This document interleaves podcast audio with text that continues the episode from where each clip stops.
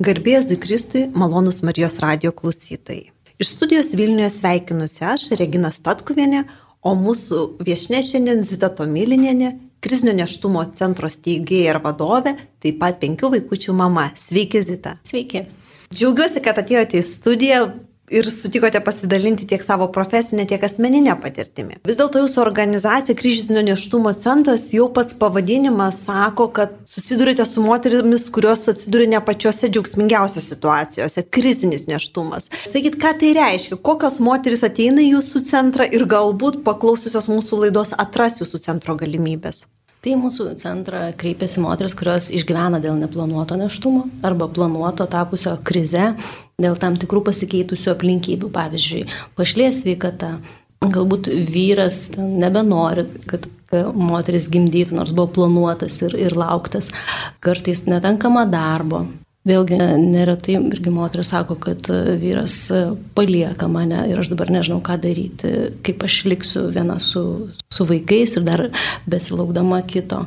Taip pat moteris, kurios patyrė perslydimą um, arba vaikelio netekti, arba patyrė uh, abortą ir po to uh, labai sunku jam su to susigyventi Taip pat moteris išgyvenančios pogimdyminę depresiją. Tai, žodžiu, spektras moterų, kurios kreipiasi į mūsų centrą pagalbos yra tikrai platus ir mes stengiamės kiekvieną išgirsti, priimti ir padėti. Kaip suprantu, vienas situacijas reikia spręsti labai individualiai, teikiant kažkokią psichologinę pagalbą, o kitas galbūt galima ir tiesiog kažkokiamis socialinėmis priemonėmis, jeigu, tarkim, tai yra lėšų trūkumas ar kažkokios kitokios problemos. Tai iš tikrųjų, kiekvieną atvejį e, mūsų konsultantai žiūri labai individualiai ir, ir atsižvelgia į kokios pagalbos reikia konkrečiai moteriai. Ir kadangi mūsų centras siūlo kompleksinę pagalbą, tai galim kiekvieną kartą žiūrėti, ko iš tikrųjų šiai moteriai reikia. Kartais reikia tiesiog psichologinės pagalbos arba emocinės, na, palaikymo, išklausimo, padrasinimo. Ne?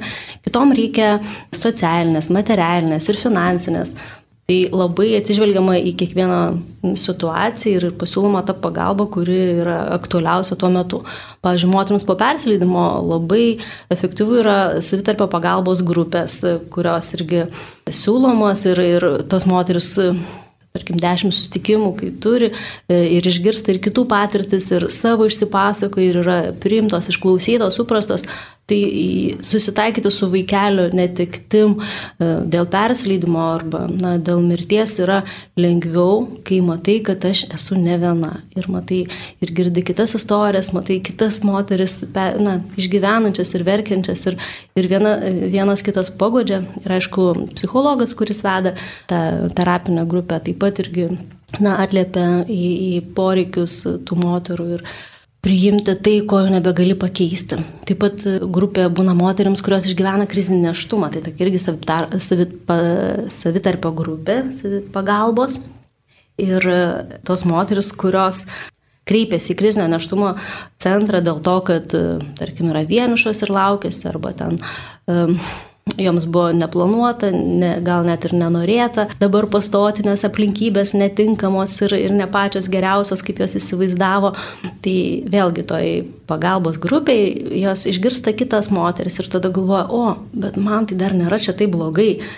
Ir iš tikrųjų tas moteris po grupės sako, aš, na, man tai buvo svarbu, ypatingai neštumo metu, kai jis yra toks jautrus ir daug visokių, e, visokių emocijų kyla ir daug visokių minčių, net ir labai baisių ir, ir labai net pačias moteris gazdinančių.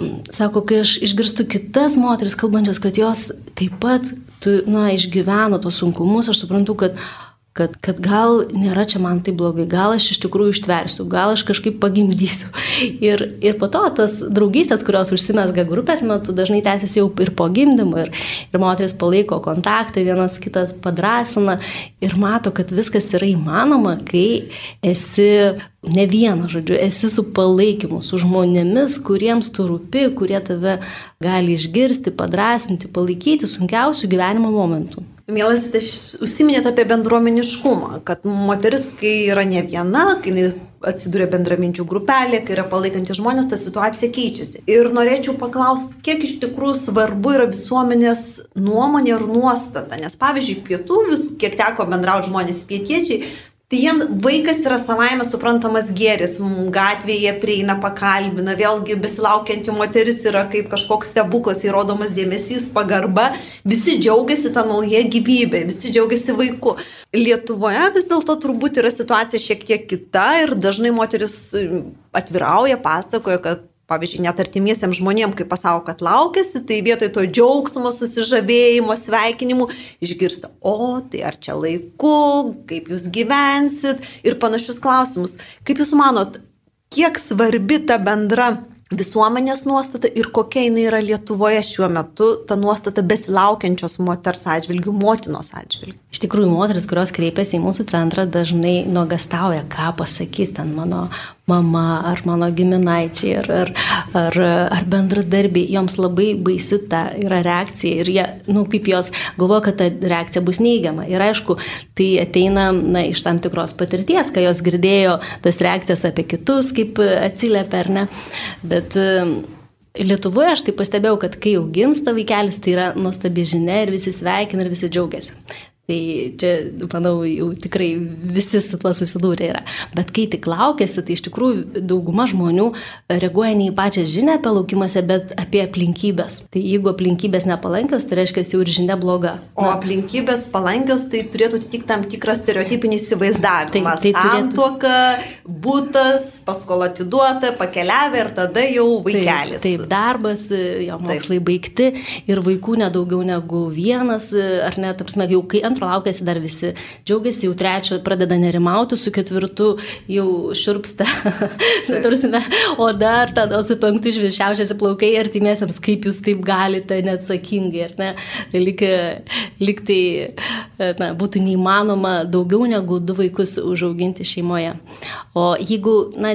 Aš atsiprašau, įsiterpsiu, tik tai e, prisiminkim, kad turbūt gimdymas ir neštumas, kuri tūkstančius metų moterim tikrai buvo rizikingas, jos rizikuoja rizikuodavo gyvybę ir šeimos buvo gausios, tai šiais laikais tai yra tikrai saugu, tai yra nuostabi medicinos priežiūra ir, ir tikrai vaikelio laukimasis, jo gimimas absoliučia dauguma atveju būna sėkmingas ir, ir nebūna kažkokių tragiškų įvykių arba tie tragiški įvykiai būna nu, labai retai ir jau tokios išimtis, kad apie tai, na, matyt, neverta net svarstyti, kas buvo dar prieš kokį šimtmetį tikrai realu, kad Taip, tai jeigu lyginti tuos na, praeitą amžių ir šį, tai aišku, skirtumas labai didžiulis.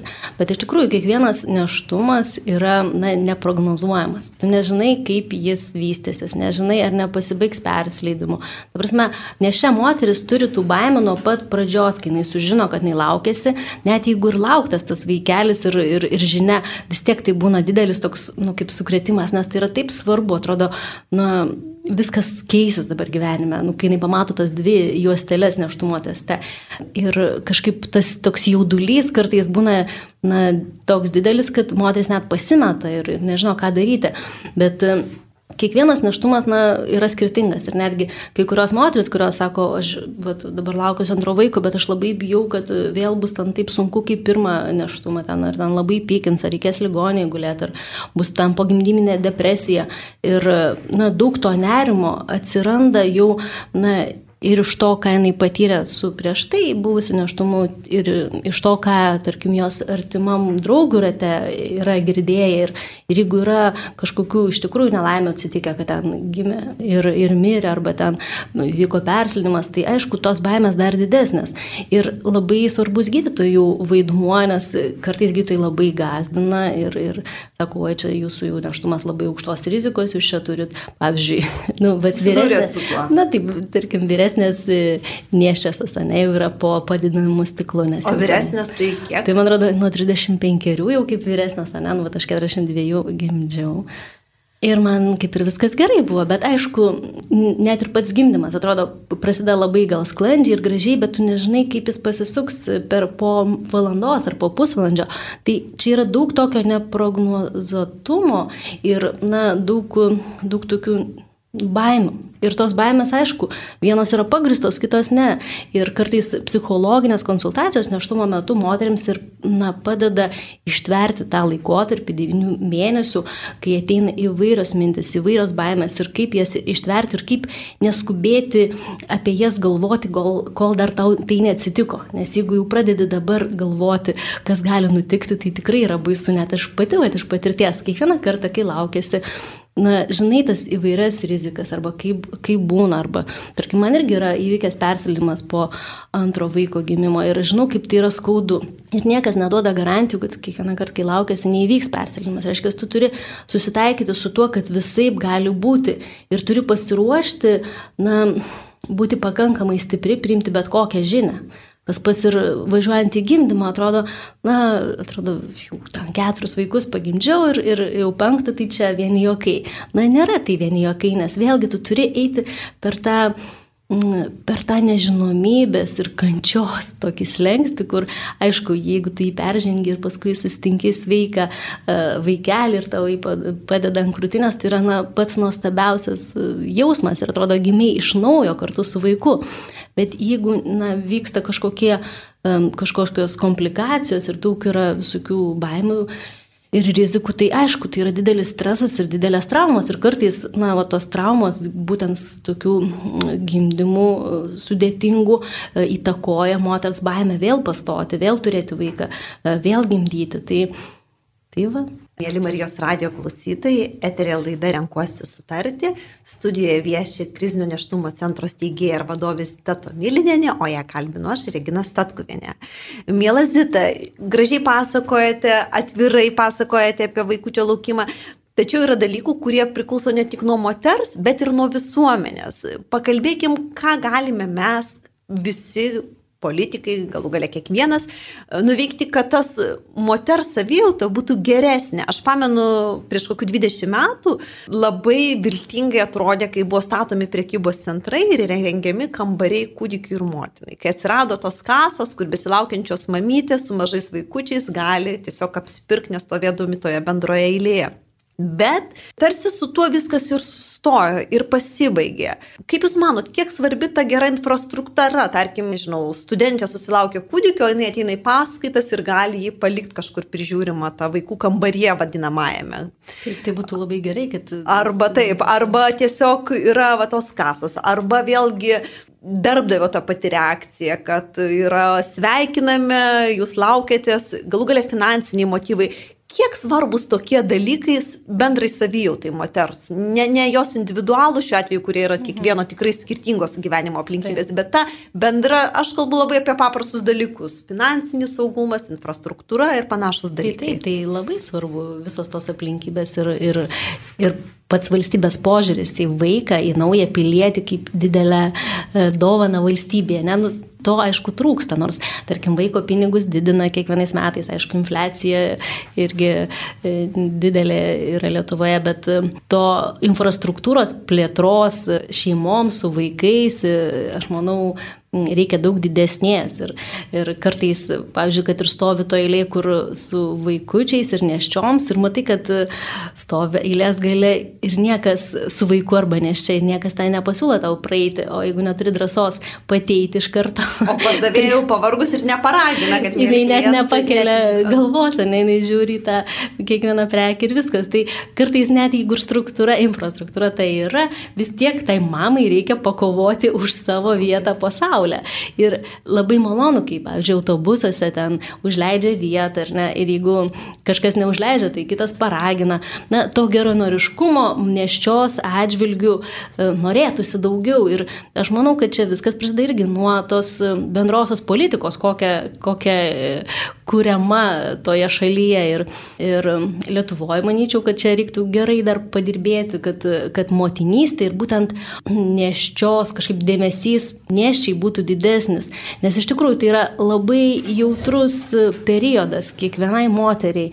Ir nuo pat pradžių iki pat gimdymo ir netgi po gimdymo na, jos yra tikrai e, daug jautresnės negu kai jos nesilaukia. Ne? Ir dėl to e, tiek ir socialinės paslaugos, tiek ir psichologinių paslaugų prieinamumas turėtų būti daug didesnis. Ir aš manau, net ir gydytojai, kurie vat, rengiami universitetuose, kad jie turėtų išmokti, kaip moteriai pranešti tą žinią, kai jinai laukės, arba kaip pasveikinti ją, ar ne vietoj to, kad klaustų, ką darysit, sakytų, sveikinu, jūs laukėtės.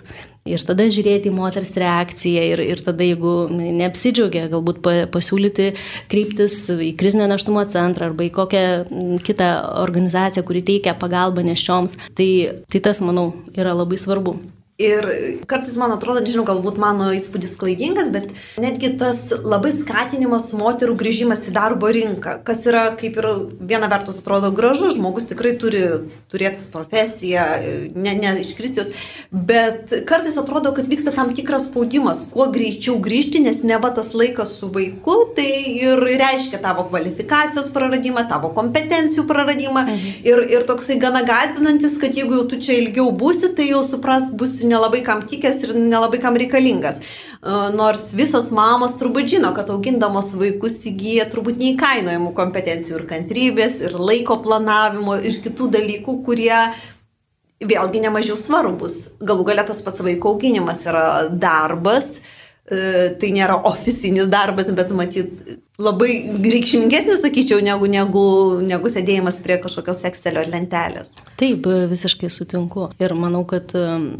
tos moteris, kurios iš tikrųjų išeina motinysės atostogų ir ten, ar vaiko priežos atostogų bent porai metų, na, jos turi daugiau galimybių pilnai būti su to vaiku ir, ir, ir, ir išgyventi kiekvieną tą momentą jo vystimosi, augimo ir, ir stebėti ir, ir būti. Mm, aišku, kai kurioms galbūt, jeigu jos labai buvo pripratę prie, tarkim, daryti karjerą, tai yra per daug sunku ir, ir galbūt gali na, derinti. Ir iš tikrųjų pagal Lietuvos įstatymus dabar, nu, kaip jau metai, jeigu sukanka, tai nuo antrų, nuo metų, reiškia, iki dviejų gali ir dirbti, ir, ir būti vaiko priežiūros atostogos. Tai tas derinimas yra, aš manau, svarbus ir jeigu ten gali grįžti bent ketvirčio etato ar, ten, ar pusę etato į darbą ir, ir likusi laiką dar būti su vaiku, tai yra labai patogu. Bet e, manau, kad dalis moterų labai skuba grįžti į darbą ir galvoja, kad čia uh, Tarsi aš dėl to ir, ir sakau, kad vaikų auginimas kažkas savaime, kaip jau ir turi būti, tarsi tai nedarbas, o va jau tikrasis darbas tai yra čia. Ir, ir ta nuomonė labai paplitusi visuomenė, toks mhm. stereotipas, sakyčiau, labai gajus. Užuot planavus periodais, dabar dirbu mhm. darbą, esu mama. Ir pilnai atsiduodu šiam Taip, darbui. Šitam. Ir iš tikrųjų, kadangi vaikai labai greit auga, tai tas periodas praeis ir nebegrįž, o grįžti į savo ofisą tu galėsi bet kada ir dar, dar iki pensijos, žodžiu, dar pavargsi nuo to darbo. Tai iš tikrųjų mokėti išgyventi pilnai čia ir dabar ta, tuos tuos mėnesius, tuos metus ar tuos dviejus yra labai svarbu. Ir aš pastebėjau, kad iš tikrųjų daugelis moterų, kurios pat, na, išeina motinysės atostogų su pirmu vaiku, dažnai net negrįžta į tą darbą, iš kurio išėjo, nes joms kažkaip per motinystės tą laikotarpį atsiveria naujos prasmes gyvenimo ir tada galvoja, ne, tai, prasme, tai, ką aš dirbau iki tol nebuvo pakankamai prasminga arba aš negalėjau savęs taip realizuoti. Ir dažnai atranda savo naujus tos savirealizacijos šaltinius ir, ir susiranda tokį darbą, kuriame jos mato daugiau prasmės. Ir iš tikrųjų, vat, bent jau mano rate pažįstamų labai daugeliu taip įvyko, kad tas vertybių peržiūrėjimas Nes vaikas iš tikrųjų ypatingai pirmas, kadangi yra didelis pokytis, ne nuo to neturėti vaikų ir turėti e, bent vieną vaiką, tai atneša na, tokį visišką vertybių peržiūrėjimą ir prasmės gyvenimo atradimą. Ir, ir tada su, susi, kažkaip susigalvojama, ko aš iš tikrųjų noriu, kaip aš noriu toliau gyventi. Ir aišku, jeigu ten, pavyzdžiui, vaikas serga dažnai ir tu turi eiti į tokį darbą, kur ten sako, man nesvarbu, tu turi ateiti ir dirbti, tai moters širdis plyšta, ar ne, palikti vaiką sergantį, nežinau, močiutė ar aukliai, o pačiai eiti, eiti dirbti neprasmingą darbą, ar ne. Tai, tai tada ir įvyksta tie tokie pasirinkimai, kad ne, aš daugiau taip negaliu, ar ne, arba aš išeinu iš to darbo ir atsiduodu motinystė, arba aš randu tokį darbą, kur galėčiau derinti motinystę ir karjerą, ir, ir save realizuoti ir darbe, ne tik namuose. Labai aišku, svarbu vyro palaikymas visame tame. Į krizinio neštumo centrą moteris kreipiasi bent jau pusė jų galbūt dėl to, kad jos neturi to mylinčio vyro ir to palaikymo ir joms yra baisu. Tada tampa labai svarbus aplinkos palaikymas ir įsiterpsiu ruoždamas šiai laidai. Paprašiau savo Facebook'o draugų tiesiog pasidalinti, kaip jiem atrodo situacija tėvų, kaip, kaip, su kokiais sunkumais susiduria ir gavau nemažai privačių žinučių. Žmonės nedrįsta komentuoti viešai, bet, bet pasidalina privačiomis žinutėmis. Ir labai dažnas klau, toks komentaras buvo ypač žmonės, kurios, moteris, kurios laukėsi arba jau susilaukė antro, trečio vaikelio, kad susiduria su negatyviu požiūriu darbe, na žiūrėk šitą ir vėl, ir vėl laukėsi, kokia jinai šios darbuotoja, neverta ją investuoti, toks negatyvas mm. iš darbdavių arba kolegų pusės ko turėtų būti neturėtų būti ir, ir kai mes kalbam apie patyčias, kai mes kalbam apie lygias galimybės arba nediskriminavimą, tai mamų, ypač vienišų mamų kategorija tarsi pamirštama, tarsi jos to nepatiria. Ir galbūt ta situacija, kai jinai neturi vyro ir, ir tai yra objektyvi realybė, bet kai prisideda tas visuomenės spaudimas, būtent iš darbdavio arba iš kolegų, iš bendramokslių, tai ta moteris visai ir sugniuždoma ir atvirkščiai, jeigu nors jinai ir neturi vyro, bet ta socialinė aplinka būtų palaikanti, būtų skatinanti, galbūt ta situacija būtų visai kitokia ir, ir, ir jei net ir tą patį krizinio neštumo centrą nereiktų kreiptis. Taip, tai tikrai sutinku ir tos moteris, kurios turi palaikymą savo šeimos, savo artimųjų, tai jos ir nesikreipia į jokias organizacijas pagalbos. Kreipiasi tuo met, kai mato, kad e, arba bijo pasakyti savo artimiesiams, o bijo dėl to, kad mano, kad bus neigiama reakcija arba jau yra pasakę ir iš tikrųjų e, sulaukia ne palaikymo, o kažkokio spaudimo, ar ten smerkimo, ar ten ir teisimo. Ta aplinka, nuo kurios jį priklauso, jos finansinės galimybės kai jinai pasijunta ir ten nebesaugi. Taip, taip, tai vat, būtent neštumo metu labai svarbu tą saugumą moters vidinį, emocinį ir, ir, ir psichologinį ir fizinį užtikrinti. Ir kad, nu, va, tokia sąlyga sukurti yra labai nelengva. Ir prie to prisideda tiek, pirmiausia, iš tikrųjų prisideda vyras, nuo kurio laukėsi, tada artimiausia šeima, ten, nežinau, seserys, broliai, tėvai ir draugų ratas na, yra galbūt ir giminaičiai, jeigu jie aktyviai dalyvauja gyvenime. Tai, vat, manau, svarbus jų na, noras palaikyti tą, nu, būtų svarbu, kad ta mo, no, moterį norėtų palaikyti, o ne aiškinti savo gyvenimo tiesas ar ten e, daugiau baimių jai sukelti.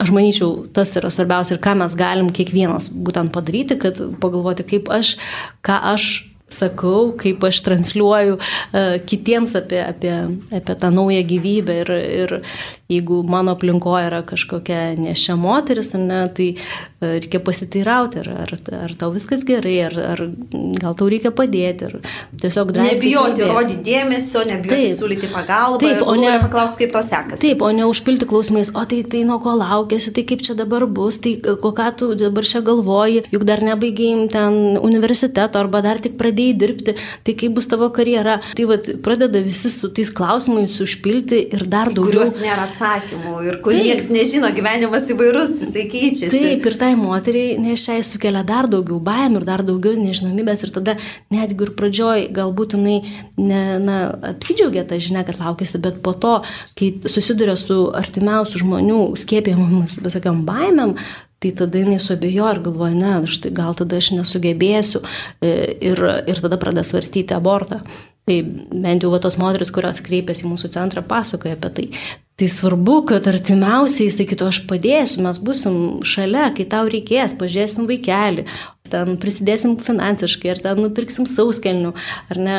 Tai va, jeigu tos aplinkos tokios nėra, tai ta moteris iš tikrųjų gali drąsiai kreiptis į krizinio neštumo centrą ir būtent mūsų darbuotojai ir savanoriai tam ir yra, kad, kad padėtų, padrasintų, išklausytų ir, ir suteiktų tą saugumą, ko nesuteikia galbūt va, vyras ar artimiausia šeima. Mėly Marijos radio klausytojai, primenu, kad eterėje laida Renkuosi sutartį, studijoje Vieši Zita Tomilinėne, krizinio neštumas centro steigėja ir vadovė, o Zita kalbino aš, Regina Statkuvienė. Pasikalbėjom apie krizinio neštumo centro pagalbą ir pastebėjom, kad vis dėlto dažnai visuomenė, nedažnai gal karts nuo karto vis dėlto sudrebina tokie tragiški įvykiai, kai moteris kažką padaro arba savo, arba kūdikiu ir, ir tada kyla žiotažas, kas kaip ir, ir panašiai.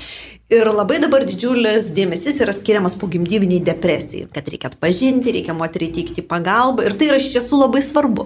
Tačiau, kaip žinia, pogimdyvinė depresija gali ištikti ir tą moterį, kuri ir nepatyrė krizinio neštumo, kurios šeimoje viskas gerai, nes tai yra, tai yra lyga ir, ir, ir, ir tai yra gydoma yra pagalba, bet jinai nebūtinai priklauso nuo tų socialinių faktorių, nuo, nuo, nuo tos jos situacijos. Taip. Galbūt mes susidurėm su tą problemą dėl to, kad kaip pasakyti, žiūrime visada į pasiekmes, nes jau tie tragiški atvejai yra pasiekmes. Jūsų minėti abortai irgi yra pasiekmes, kad moteris kažkuriu laiku buvo palikta viena, negavo pagalbos.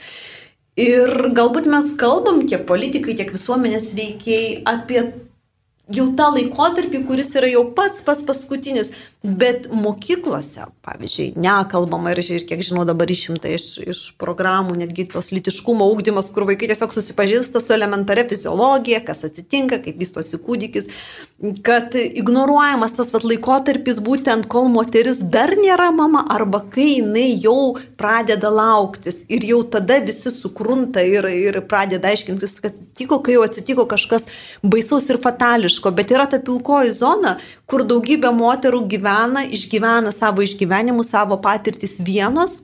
Ir jos ir tarsi nematomos, tarsi, tarsi su savo tom patirtim būtent.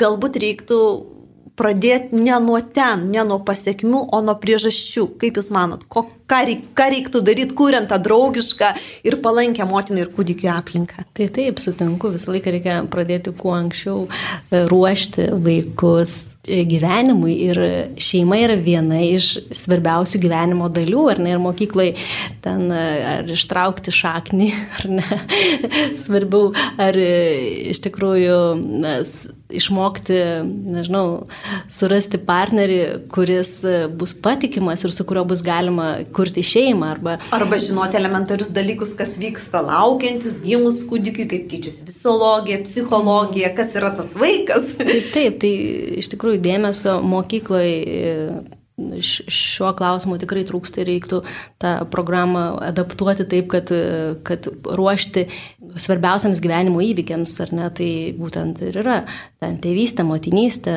ten, nežinau, partnerystė, santoka, na, kaip žodžiu, kaip išgyventi kiekvieną savo gyvenimo laikotarpį ir, ir būti pasiruošus, ar ne, kas gali nutikti ir kokios, kokios pagalbos, kur galima, suga, kur galima gauti. Aš atsiprašau, ir dar galbūt to, tų žinių neturėjimas ir gimdo tas baimės ir, ir, ir suponuoja, kad ta nauja gyvybė yra kažkas grėsmingo, kur kažkada bus, bet labai negreitai.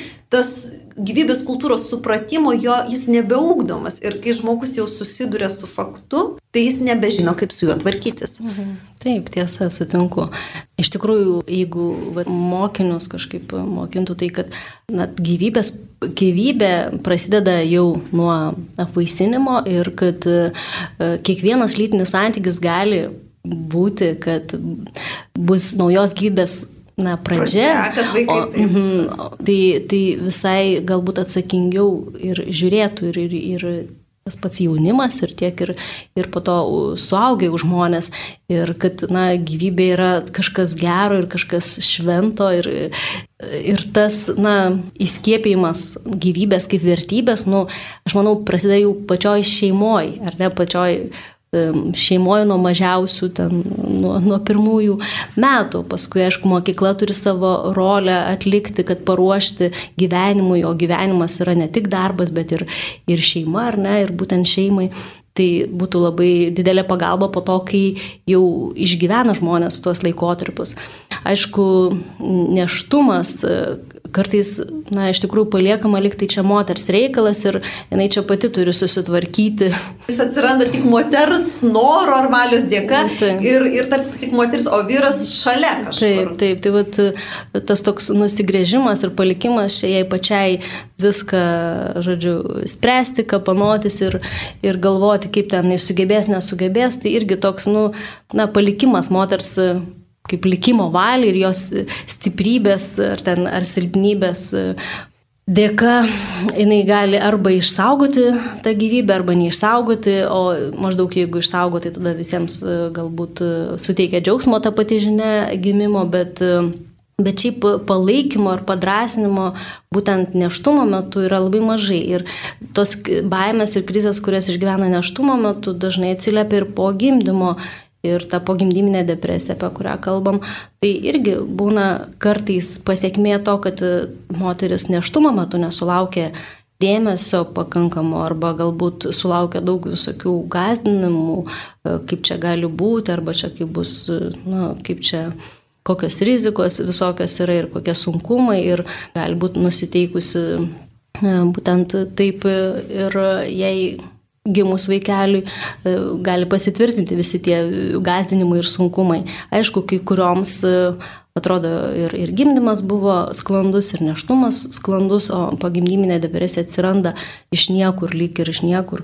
Tai tuomet, aišku, svarbu labai na, kreiptis pagalbos į specialistus. Tai krizinio neštumo centras tais atvejais taip pat pagelbėja ir, ir aišku, ir yra psichologai ir mano poliklinikos ir daug kur e, dirba, kur irgi galėtų tuo laikotarpiu pagelbėti, bet svarbu, kad artimieji atpažintų tas simptomus, nes čia, na, pagimdžiusios moteris, kur išgyvena pogimdyminę depresiją, kad vėlgi dėmesys būtų ne tik gimusiam vaikučiui, ar ne, bet ir moteriai, kuri ką tik pagimdė. Ir, ir... Nes visi džiaugiasi tuo naujagimiu, o jinai jaučiasi tarsi, taip, tarsi palikta. Klausinėja, ar turi gyvena, ar čia gerai miega, ar taip toliau. Ir jeigu kažką, tu, kažko tu neturi arba negali pasidžiaugti, arba tau ten bemiegės naktis ir ten vaikelis ištisai verkia, tai Tai artimieji turėtų neaiškinti, ką jinai blogai daro, bet pasirūpinti, kad jos būtų emocinė ir fizinė sveikata pasirūpinti, ar ne, kad jai dėmesys būtų suteiktas, nes jeigu motina emociškai ir fiziškai sveika, tai jinai gali ir savo vaikeliu pasirūpinti, o jeigu motinai yra iš tikrųjų didelės emocinės problemos, tai jinai negali ir tuo naujagimiu pasirūpinti. Tai aš ne tik emocinės, aš manau labai svarbu ir ta elementari pagalba būtyje. Tiesiog. Ir, mielas, tai čia galbūt baigiant laidą visai, vis dėlto reiktų, mes kalbėjom daug apie moteris, apie išgyvenimus, bet kiekvienas kūdikis, nesvarbu, ar jis gimė santokoje ar ne, vis dėlto turi tėvą. Ir tėvas turi ir teisės, ir pareigas. Ir jos turbūt iki šiol mūsų visuomenėje dar nuo to sovietmečio vis dėlto yra nesuvoktos, neįvertintos ir, ir viskas paliekama tarsi tai tik tai moters reikalas, tarsi mhm. vyras neatsakingas, tarsi jis neprivalo ir, ir kalbam apie krizinį neštumą, bet krizė atsiduria ne tik moteris matyti, ir vyras turėtų jaustis krizė, jeigu jo, jo moteriai, jo, jo kūdikio motinai prastai. Kaip Jūs manot, ką mes galėtume ar, arba kaip turėtų keistis ta visuomenė, kad vis dėlto tai nebūtų tik moters teisė, tik moters pasirinkimas ir tik jos bėdos ir, ir paskui jinai liktų su tuos skausmu ar su kažkokiam viena? Iš tikrųjų ir vyrai kreipiasi į krizinio neštumo centrą, kurie išgyvena dėl moters neštumo arba perslydimo ar kūdikio netekties ir, ir aišku, jų yra nedaug palyginus per metus, kiek kreipiasi, bet iš tikrųjų yra ir kurie apie tai kalba ir įvardyja, kad, na, ką man dabar daryti, nes dabar susidurėm su tokia situacija, kad kaip moteris laukėsi nuo manęs vaiko, jinai nenori gimdyti, aš noriu to vaikelio ir kaip, kaip čia man su ja kalbėti, kad jinai gimdytų. Um, tai vėlgi svarbus santykis žmonių, bet tų žmonių, kurie laukėsi to vaiko ir visos problemos prasideda nuo santykių problemų, ar ne? Ir, ir kiek mes ten žiūrėtume į ekonominės problemas, vis tiek jeigu yra geras santykis abiejų partnerių, ar ne, abiejų tėvų, tėvų kurie laukia su to vaiko, tai jie įveiks ir finansinės problemas, ir ekonominės, ir, ir, ir aplinkos spaudimą. Tai, žodžiu, dirbti, na kaip dirbti arba koncentruotis į santykių su žmogum, su kuriuo laukėsi vaiko. Ir aišku, reikia apie tai galvoti prieš turint lytinius santykius su to žmogum, nes kaip, dėl ko iš, iškyla visos tos krizės? Dėl to, kad mes pirmiausia padarom, o paskui galvom, o jei, kodėl, kodėl aš ne, nemačiau tų raudonų vėliavėlių, ar ne, kodėl šitas, juk žmogus šitas atrodė visiškai netinkamas būti tėvu arba ten e, šeimo žmogumi, o aš nuo jo laukiuosi. Tai kur, kur buvo, žodžiu, mano galva, ne, ir tai moteris daugelis, kurios atkreipėsi į krizinę naštumo centrą, tai svarsto, bet jau nebegali nieko pakeisti. Aišku, labai svarbu taip ir mokykloje mokinti ir taip auginti šeimoje savo vaikus, kad jie pradžioj galvotų, o paskui veiktų, o net virkščiai, ar ne? Tai bet kiekvienas žmogus, na, turi savas silpnybės ir savas klaidas, kurias turi gyvenime atlikti, kad, kad išmoktų tam tikras pamokas. Ir galbūt ne iš pirmo karto išmoksta, iš antro, iš trečio, na, žmogiška klysti ir labai svarbu, aišku, pasimokinti iš savo patirties. O dėl vyrų vaidmens, tai taip, jie yra dažniausiai, jų vaidmuo yra lemiamas ir tam moters sprendime apie tai, kad gimdyti ar negimdyti. Ir jeigu jie žinotų, kokia svarbi jų yra rolė tame, tai na, iš tikrųjų gal ir patys na, jaustusi drąsesni priimti tą iššūkį, ar ne, kad iššūkis būti tėvu kartais atrodo per sunkus tam vyrui, bet kartu jis ir užaugina jį ir subrandina. Ir tie vyrai, kurie išdrįsta, na, nepasiduoti baimėm, ar ne, ir ne tik, kad nepasiduoti, bet ir palaikyti savo moterį ir priimti tą naują gyvybę, paskui jie džiaugiasi savo, na, naujom, ta prasme, atradimu, kad, o, aš esu tėvas, čia mano vaikas ir, ir tuo potencialu, kurio jis net neįsivaizdavo, kad jis turi viduje.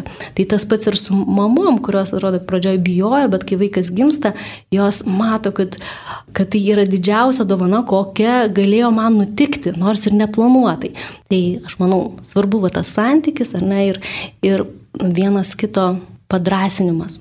Norėčiau papildyti, kad labai svarbu požiūris į žmogų, žmogaus gyvybę bendrai, kaip į Dievo paveikslą, kaip į Dievo dovaną, kaip į stebuklą. Jeigu mes suvokiam, kad kiekvienas žmogus yra Dievo paveikslas ir, ir galbūt patys esame išaugę ir tą patyrę, į mus kažkada taip žiūrėjo, tai turbūt ir ta gyvybė ir jos laukimas tampa šiek tiek kitoks ir žiūrėdami į kitą moterį, matydami ar priekybos centre, vėlgi matom tai kitaip, pagarbiau, suprantam ir, ir tas mūsų elgesys keičiasi. Taip, tikrai. Nuoširdžiai dėkoju, Mielazita, kad užsukote mūsų studiją. Čia buvo laida Renkuosi sutarti. Sudėmėli klausytojai.